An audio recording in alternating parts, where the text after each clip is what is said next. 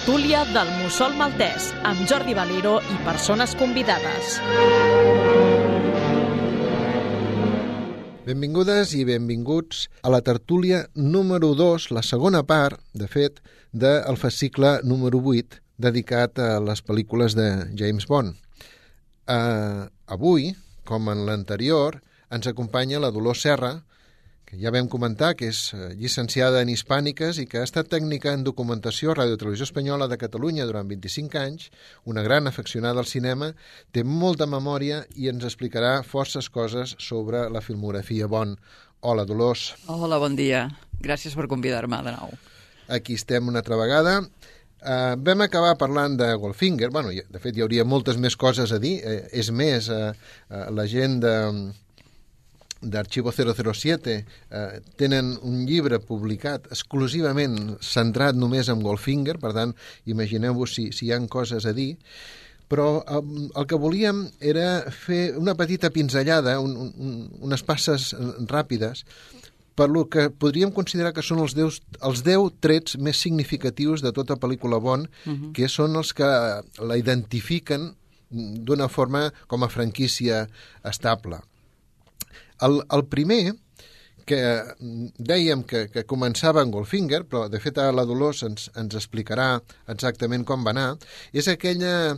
Eh, quan comencen les pel·lícules de Bond, comencen amb una successió de cercles de color blanc eh, sobre fons negre i que es van movent, i llavors s'acaba eh, basculant, no? allò quasi bé vacilant, eh, amb una visió subjectiva des de dins d'un canó, es produeix un tret la sang comença a tapar tot aquest cercle blanc uh -huh. i eh, aquest cercle es va desplaçant per la pantalla fins a arribar a un punt on es fa gran i allà comença el que seria el segon, el segon element d'aquest patró. Uh -huh. Però abans d'arribar al segon, centrem-nos en aquest primer, amb aquesta successió de cercles. Sí, això ja comença la primera pel·lícula, el de 007 contra el Doctor No. El que passa és que després de, d'aquest patró ja, ve directament, ja venen directament els títols de crèdit. No hi ha una preseqüència eh, i s'entra després dels títols de crèdit directament a la pel·lícula. No? Però ja en el, en el Doctor No ja hi ha aquesta característica tan identificativa de la sèrie Bond. No? És, és obra d'un dissenyador... D'un dissenyador americà, el Maurice Binder. Sí, sí, que suposo que no era conscient de que estava fent l'entrada més famosa de la història del cinema. Sí, sí, estava creant l'obertura sí, sí. per excel·lència. El, el que deies, quan, quan acaba el cercle, el cercle blanc i, i s'amplia, eh, ens introdueix en el que seria una seqüència precrèdits eh, en la que Bond normalment està concloent una missió. Eh? Mhm. -huh. Allò que entrem en el final ja, ja d'aquesta missió. De fet, és una seqüència de, de molts pocs minuts, però que en si mateixa és una pel·lícula en miniatura. miniatura sí, sí. Uh, que normalment no té cap relació amb el que veurem després, excepte uh, des de Rússia con amor, perquè veiem ja en aquesta pre, uh, aquesta mini pel·lícula que deies, uh, a un dels dolents de la pel·lícula, el personatge que interpreta el Robert Shaw, que és un assassí professional, que en un jardí, en una escena nocturna, mata a algú que en primer, a primera vista sembla el James Bond. Un cop mort, se li apropa i li treu una mascareta i veiem que no és el Bond, sinó que és una altra persona. En realitat és, és un, un sparring, no? Sí, exacte. Perquè, perquè ell s'entreni... Perquè ell s'entrena per, per matar Bond. Passa que pobre sparring no s'imagina sí. que, que, que acabarà... acabarà mort de veritat. Exacte, sí, sí. Amb aquesta, amb aquesta entradeta el que, el que fan, no? el que fa el productor, el que fa el director, és ja disparar-nos les pulsacions. Sí, no? no, L'adrenalina per, per el que veurem després, no? Sí, sí. El tercer punt d'aquest patró és amb el que ja es presenten pròpiament els crèdits mm -hmm. i eh, és un fons animat, és un fons que avui, amb la tecnologia actual, suposo que es podria fer molt més sofisticat, en aquell moment els recursos eren molt més simples, però bàsicament, i siguent fidel al, al, al masclisme del, del personatge, en aquesta seqüència es veuen noies, o siluetes a vegades, o, o, o noies pintades de colors, o així, molt lleugeres de roba, Sí. amb actituds seductores, Sí, moviments molt seductors, sí, sí. moviments sinuosos, mm. eròtics fins i tot, Sí. hi ha armes també, Sí. hi, ha, hi ha pistoles, que d'alguna manera et ve dir, bon és això, no? Bon és, és, és sexe, és erotisme... i acció. Eh, I és acció i són trets, no? És... Mhm. I eh, en aquest, en aquest cas eh, sona la música, la cançó que identifica la pel·lícula. No? Les cançons que ja dèiem en el fascicle, que, que bueno, totes són, són prou famoses, i que Goldfinger ocupa el segon lloc en el rànquing de les enquestes habituals. Uh -huh. La primera és des de Rússia amb amor, no, perdó, de, No. de Spy Who Loved Me, la- L'espia que, que em va, m'amo, que em sí. va estimar, Sí. amb la Bàrbara Bach, que és la, la que després es casaria amb en Ringo Amb el Starr. Ringo Starr, sí que la canta la Carly Simon, em sembla. Carly Simon. Si no m'equivoco. En el cas de Des de Rússia con amor, la cançó no surt en els títols de crèdit del començament, sinó en els títols de crèdit del final, i la cantava el Matt Monroe, i va ser una, un hit també, eh? Es va fer molt, molt famosa en aquella època. És que, de fet, en aquelles èpoques, eh, les cançons... Jo, jo diria no, que eh, els anys s'identificaven per tres cançons. La cançó del verano, eh? Sí. la cançó de l'estiu, que sempre era un, un hit així lleuger i senzill i, i, i ballarí. La cançó guanyadora d'Eurovisió, Mm. i la cançó tema principal de les pel·lícules de James Bond. De Bond, o sigui, amb aquestes tres les tres combinades podries identificar gairebé Uh, L'any que... l'any en el que et trobes. Sí, sí, sí. Uh, a més a més, uh, jo crec que, mm, que per a molts cantants uh, ha sigut uh, una aspiració poder interpretar la cançó de d'una pel·lícula de James Bond, perquè hi ha passat tothom per allà. Sí, sí, sí. Sí. La Shirley Bassey, el Tom Jones, el Paul eh, McCartney, la Carly Simon, la Adele, etc etc. Vull dir, Madonna... Madonna, és que tothom, ha, jo crec que tothom voldria fer una cançó d'una pel·lícula de James Bond, no? Eh, eh, et dona, et dona caché. Eh, és el que deia mm, de, de l'Steven Spielberg. Ell, evidentment, no necessita ser famós, ja ho és prou i, i de sobres i molt, molt merescut, però, mm, incomprensiblement, malgrat sembla que ho ha demanat i ha insistit, la, els propietaris de la franquícia no li han atorgat la possibilitat de dirigir. La Bàrbara Broccoli no el deu estimar gaire. és, un, és una llàstima perquè, bueno, són, eh, allò, que- allò que comentàvem en, en la, en, la setmana passada, en l'altra tertúlia, de que hagués estat bé veure Orson Welles fent d'un paper de dolent, també estaria bé veure un, un Steven Spielberg de- dirigint, no? bueno, en- de fet, ja Sam Mendes ha dirigit dos James Bond i pocs ens imaginaven que un director de l'American Beauty fos capaç de dirigir dos, dos bons i fer-ho com ho ha fet ell. Vull dir que són, per mi, crec que són les millors de, del Daniel Craig. Daniel Craig és, és un món a part dintre de la, de la sí, franquícia de la Bond. franquícia Bond, sí, sí. Hi ha un trencament amb... en el moment en què Daniel Craig es fa càrrec del personatge. Sí, sí. Un trencament volgut per part de la, de la Bàrbara Broccoli, eh? Sí, sí, està clar. Mm -hmm. És, és, bueno, és com un minicicle dintre de, Sí. de, de, de...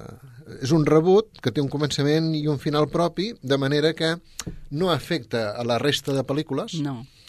I tampoc necessita una continuïtat, literalment. Mm, Vull dir que pot, pot, ara poden sortir per on vulguin. Que, per cert, s'estan retrasant bastant, no?, amb la nova pel·lícula, sí, sembla. Sí, sí, perquè... Ah, No tenen escollit ni l'actor principal. No, jo l'altre dia vaig llegir que definitivament l'Idris Elba mm, quedava descartat. Per altra banda, em sembla lògic, eh, i ara et tocaré un tema una mica delicat, però és que és així. James Bond és un personatge blanc, Uh -huh. i aleshores contractar un actor negre per interpretar un personatge tan característic em sembla per, per part de, dels productors un error. I no voldria sonar racista, però és que és així. No, no, no és una qüestió de racisme. no és una qüestió de racisme. Crec que és una qüestió identificativa i Exacte. respectuosa amb l'autor. Si l'autor va escollir en el seu moment aquest prototipo de personatge, igual que el va fer pràcticament misògin i el va fer masclista, el va fer caucàsic, el va fer blanc, mm, hi ha altres personatges. L'Àlex Cross, per exemple, que és un, uh, és un detectiu, és un policia negre, que ha interpretat, entre altres, el Morgan Freeman, doncs, és negre. I no, no faràs que, un, jo què sé, el Daniel Craig, per exemple, interpreti l'Àlex Cross. És que no seria creïble. És que no seria creïble. I a més seria com, com una traïció a, a la gent que ha llegit els llibres i que l'ha seguit i que s'ha creat la seva imatge virtual del personatge. No? Exacte. Jo crec que tots aquests revisionismes que, que també comentàvem en, en la, la setmana passada, no? que dèiem la, el, aquest revisionisme eh, lingüístic i eh, que es busca un, una manera de fer políticament correcta que sempre s'ajusta al patró de que en, en aquell moment sigui el polític que mani. Per tant, a veure, ara entrarem a, a dir noms, però si tinguéssim un govern de Vox eh, en l'estat espanyol, per exemple, evidentment moltes coses serien diferents a la, com són ara i moltes coses canviarien. I més si tinguessin, per exemple, una majoria absoluta. Per tant, està clar que deixar en mans dels governants de cada època la decisió de què és el que és correcte de, o, o no, és, eh, per una banda, mm, considerar que eh, el, les persones són majors d'edat per votar, però no són majors d'edat per decidir eh, eh, segons el nostre criteri, i per l'altra banda seria una intromissió al, a la llibertat d'expressió i de creació brutal. Sí, sí, totalment d'acord. És com si eh, en un moment determinat es digués doncs ara la Joconda ha de portar bigoti i barba. Sí, sí, són aspectes que no, no, no s'entenen. En fi, Continuem, que si no se'ns Sí, acabarà el sí. temps i la gent ens dirà que, que ens estem anant per les branques. Exacte. El quart, el quart tret rellevant és quan eh, el, eh, el bon ha acabat aquest, eh, eh, aquesta missió que dèiem en el tercer punt eh, i se'n va cap al despatx de DM eh, on, on rebrà les instruccions del nou cas i allà hi ha sempre l'etern amb Moneypenny, Amb Moneypenny, que també en vam parlar una mica la setmana passada, Sí. però que val la pena recordar Uh -huh. per les, per les característiques del personatge i per la situació que sempre es genera, no? Situació sí. còmica, divertida, Exacte, és- és- molt reivindicativa. Sí, eh, jo crec que és un personatge que al final agafa un, com una mena de, de línia una mica irònica. Ella ja, ja ho fa com per obligació, això de flirtejar amb el, amb el bon, perquè és el que toca, no? Però sap perfectament que no hi ha res a fer.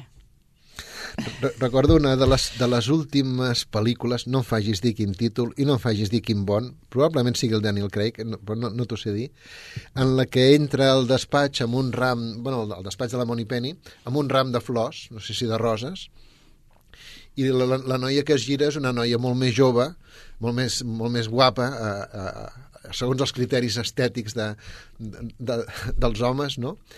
I clar, el, el bon queda sorprès. I la Moni Penny li surt pel darrere que estava jupida guardant uns papers o alguna cosa, no? I el bon li acaba donant una rosa a la Moni Penny i el reste de la ram a la noia nova que està allà. I recordo que la Moni Penny li diu diu estic et contenta perquè és el màxim que aconseguiràs, que aconseguiràs d'ell, no? Referint-se altre cop al tema del, del matrimoni que vam comentar Sí, sí. pel tema de l'anell i del, i del gold, del, del Exacte. Goldfinger. Sí, sí. En el en cinquè lloc, en el cinquè lloc tenim que Bond ja ha rebut les instruccions de la missió i aquí ve una de les parts també sempre esperada a totes les pel·lícules, que és quan se'n va al laboratori a trobar-se amb en Q, que és el cervell que no para d'inventar Sí. artefactes i, i andròmines, no? I, mm, I aquest li entrega els, els gadgets que ha preparat específicament per a aquesta, missió. missió. Sí.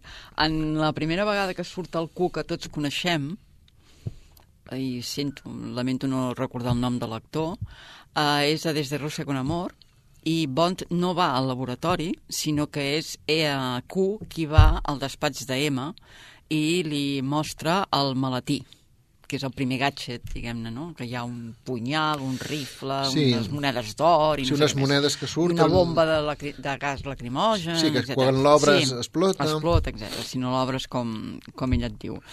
Uh, després de la resta ja és el, el Bond qui va al, al laboratori de recerca i desenvolupament i és divertit perquè sempre s'estableix aquest diàleg del Q renyant el Bond per la seva negligència respecte a tots els artefactes que li, que li dona, no? Que si els ha de tornar tal i com eh, se'ls emporta, etc. I el Bond allà amb cara de resignat. És com, com una relació paterno-filial del pare que renya el nen que es porta malament i que l'ha enganxat amb una eh, entremaliadura, no? Sí, sí, de fet, el, el, el Bon amb, amb això sempre fa cara d'avorrit i, Sí. i pensa faré el que em donarà la gana i evidentment sempre, sempre ho fa, però és cert, aquesta, aquesta relació... Per això és curiós que en les darreres pel·lícules de Daniel Craig, a Q l'interpreti un, un personatge molt Molt jove, més jove, sí. que clar, mm, es perd aquesta, aquest, aquest aspecte, no? Sí. És com amb moltes... amb les traduccions, que a vegades quan, quan es tradueix a un llibre o, o qualsevol cosa, mm, si no saps la intencionalitat que tenia l'autor i t'agafes només a la paraula en si, eh, pots perdre un, una picada d'ull.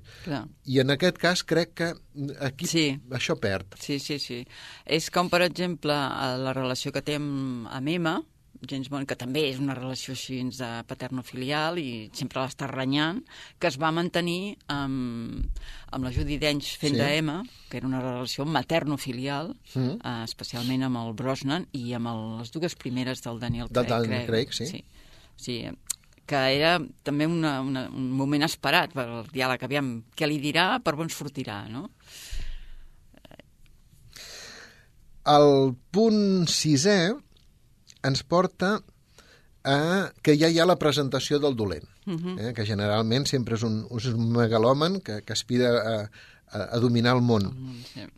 Normalment aquesta primera trobada eh, sempre es produeix en un lloc públic, perquè, eh, evidentment, si no fos així, doncs, eh, ja resoldria la pel·lícula, però com que és un lloc públic i envoltats de gent, han de, han de, Han de mantenir, han sí. de mantenir les formes, sí, no? Sí, sí, Com en el cas de, de, de, de Casino Royale, el, el rebut que ha fet ara el, el Daniel Craig, que eh, estan, estan jugant la, la partida de, de Bacarà, no? Vull dir, uh -huh. Saben que són antagonistes un de l'altre, però han de... Han d'aguantar les formes, sí, han de, han de mantenir-les. És interessant, hi ha dolents de, de la sèrie que són, eh, diguem-ne, no estan vinculats a Spectre, que és la gran organització criminal, sobretot a les primeres pel·lícules de Bond, és, és eh, el seu enemic eh, etern és Spectre. Sí, sí, és el seu nèmesi. És el, el seu enemic. Uh, en canvi, mm, n'hi ha unes quantes que em sembla que no. Goldfinger, que no per exemple? Goldfinger no. Goldfinger no.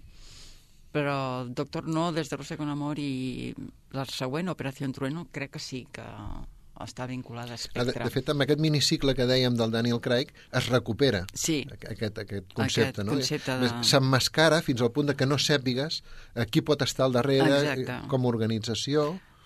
Era interessant perquè les primeres, per exemple, en principi pots creure que són els russos i tal, perquè estem en plena Guerra Freda, mm. però s'inventen aquesta, aquesta orga, organització criminal perdó, eh, per tal de no, diguem-ne, culpar directament eh, els comunistes, no? No identificar un, no un, identificar un enemic clar. Un enemic clar. Sí, que podria acabar siguent estar desencadenant una guerra de veritat, no? perquè, perquè la gent s'ho creu tot.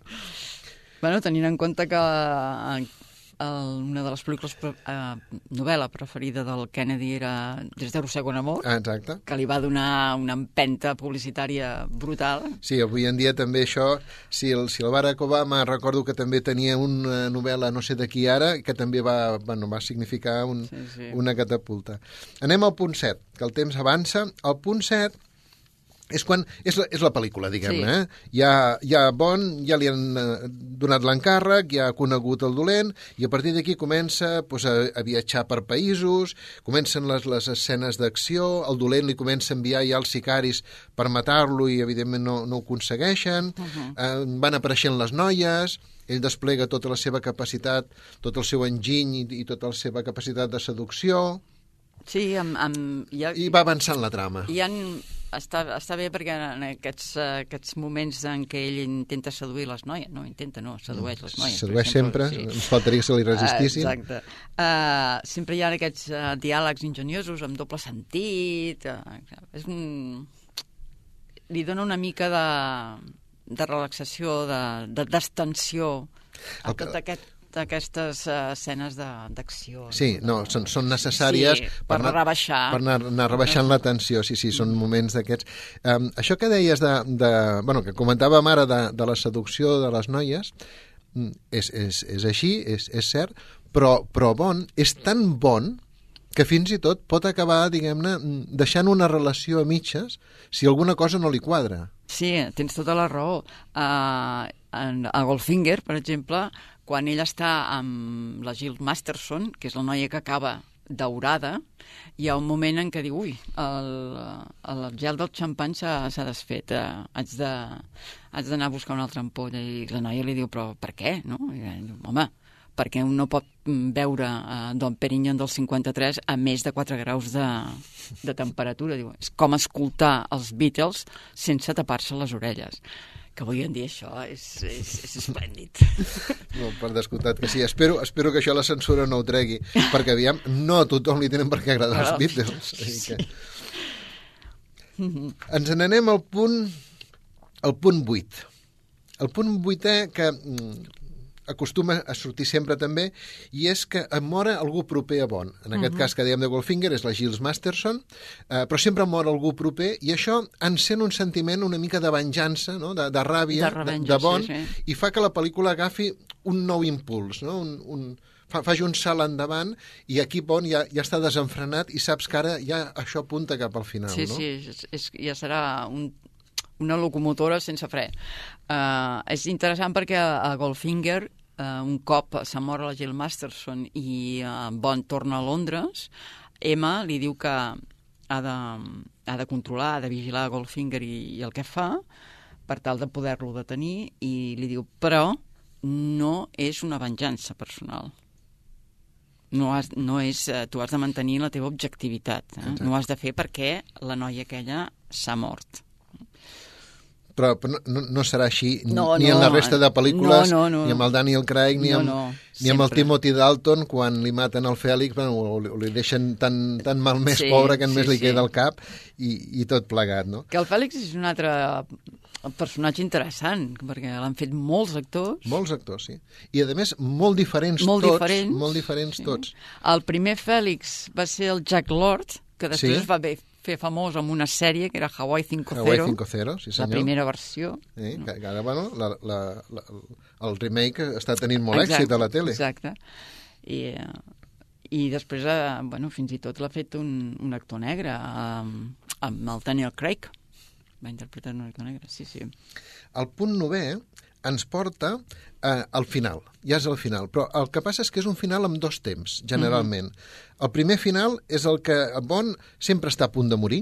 El tenen lligat, el tenen torturat, el tenen allò a punt de caure des d'un barranc, qualsevol escena, però el dolent s'entreté en xerrant, és un megalòman i per tant es recrea, es recrea Exacte. amb el seu èxit i sempre li dona l'oportunitat a que Bond s'escapi i se'l carregui amb ell, no? I després el punt 10, i ara els comentes tots dos junts, és eh, el final final. Aquest sí que és el final final, que és quan eh, James Bond acostuma a estar amb, amb la noia, acostumen a estar relaxats eh, en un hotel, en una piscina, en un restaurant, i sempre ha quedat aquell sicari, aquell dolent, diguem-ne, que no és el dolent principal, sinó que és el dolent segon, i sempre intenta eh, matar-lo i no ho aconsegueix. I llavors ja sí que arribem al final definitiu, que és quan, quan Bond i la noia estan junts. No? Sí, sí. Uh, és interessant perquè a, Gol, a Goldfinger, precisament, uh, Bond està a punt de morir a la meitat de la pel·lícula, quan el deté uh, Goldfinger i els seus sicaris, el lliguen en aquella, en aquella mena de, sí, de llit, uh, bueno, és un llit metàl·lic, una planxa, un raig làser. Hi ha un raig làser que està a punt de, pobret... Uh, de partir-lo per la meitat. Exacte, no?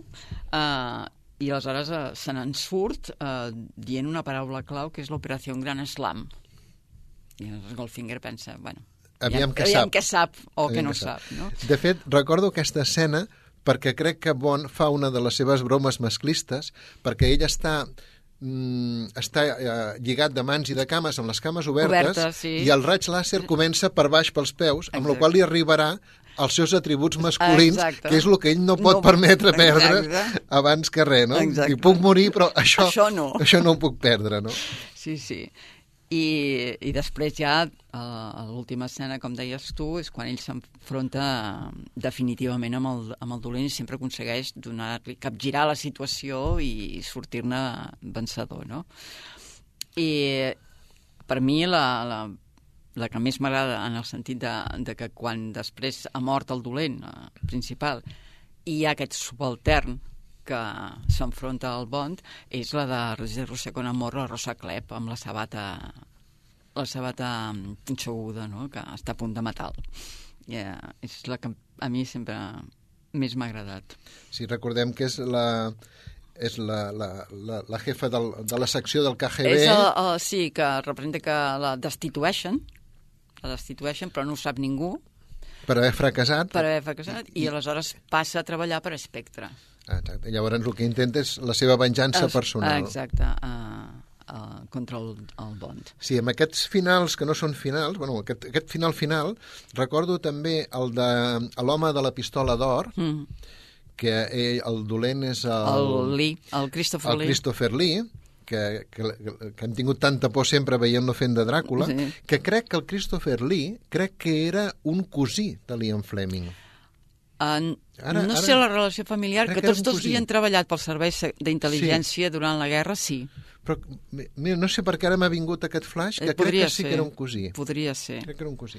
Doncs el, el, el Christopher Lee té, té un, un nan, sí. un nan que és el que l'ajuda, i també això, eh, crec que, que Bon i, i la noia estan en, un, en una espècie de, de, de casa, de, aquelles cases que als anys 60 s'estilaven tant, amb el, amb el, al damunt d'un penya segat, Mm, amb molt sí, de vidre, allò sí, del Harold sí, Lloyd, no? sí. aquelles coses així molt, molt així, i, i, bueno, i el, el, el nan eh, va, va matar-los, no? I també hi ha aquella que hi ha aquells dos germans, bueno, no, no sé si són germans o no, que també van, es disfracen de cambrers per matar-lo. És eh, mm, És possible... Eh, Diamants passa? per l'eternitat, la- potser? Uh, les, les de... Roger Moore no és el meu bon preferit i aleshores sí que les he vistes, però no les recordo tant com les de Connery, que és, és el que més m'agrada. Per mi James Bond és uh, Sean Connery. I ho sento moltíssim, però és així. Jo és que he crescut eh, amb, amb Connery fent de, de James Bond. No? I per mi és, eh, malgrat que en el, al començament eh, l'Ian Fleming no estava massa d'acord amb l'elecció de, de l'escocès com, a, com a James Bond, no? I pot, probablement, de tots els actors que l'han interpretat, el que físicament donava més la talla és el Timothy Dalton. No va tenir sort. No va tenir sort, jo crec que va agafar la pitjor època de, de James Bond. De temàtica, de direcció i, i de tot. Si els guions tampoc no eren no massa eren, no eren, reixits. No, la veritat és que no. Però físicament potser és el que més s'adequava a, a la idea que tenia l'Ian Fleming. Que també van, van parlar del George Sanders per fer uh, de James Bond. Parlant de George, deien que el George Lazenby, el que, Sí. que només va fer una, una pel·lícula, um, també donava el, el Pego, El com, a, Pego, com, sí. com a personatge. El Sí. que passa és que, clar, no, no el vam poder gaudir. Mm, No sé exactament el per què aquella pel·lícula no va tenir l'èxit que de les predecessores. No sé per què. No, no, no, és una cosa que no, no l'acabo d'entendre massa bé. Doncs mira, ho deixem, ho deixem per, una altra, per una altra ocasió, perquè avui el temps se'ns ha acabat, i el, el tema bon dona, dona molt de joc, com podeu veure, i el tema de cinema en general, perquè la Dolors ja heu pogut escoltar-la, en sap, en sap moltíssim. Gràcies, moltes gràcies, Dolors. Gràcies a vosaltres per convidar-me. Bueno, doncs deix, ho deixem aquí. Gràcies a tots per seguir-nos escoltant. Gràcies a Beatriz Aguilar per seguir estant a les vies de so. I us, ens escoltem al proper fascicle i a la propera tertúlia. Acabeu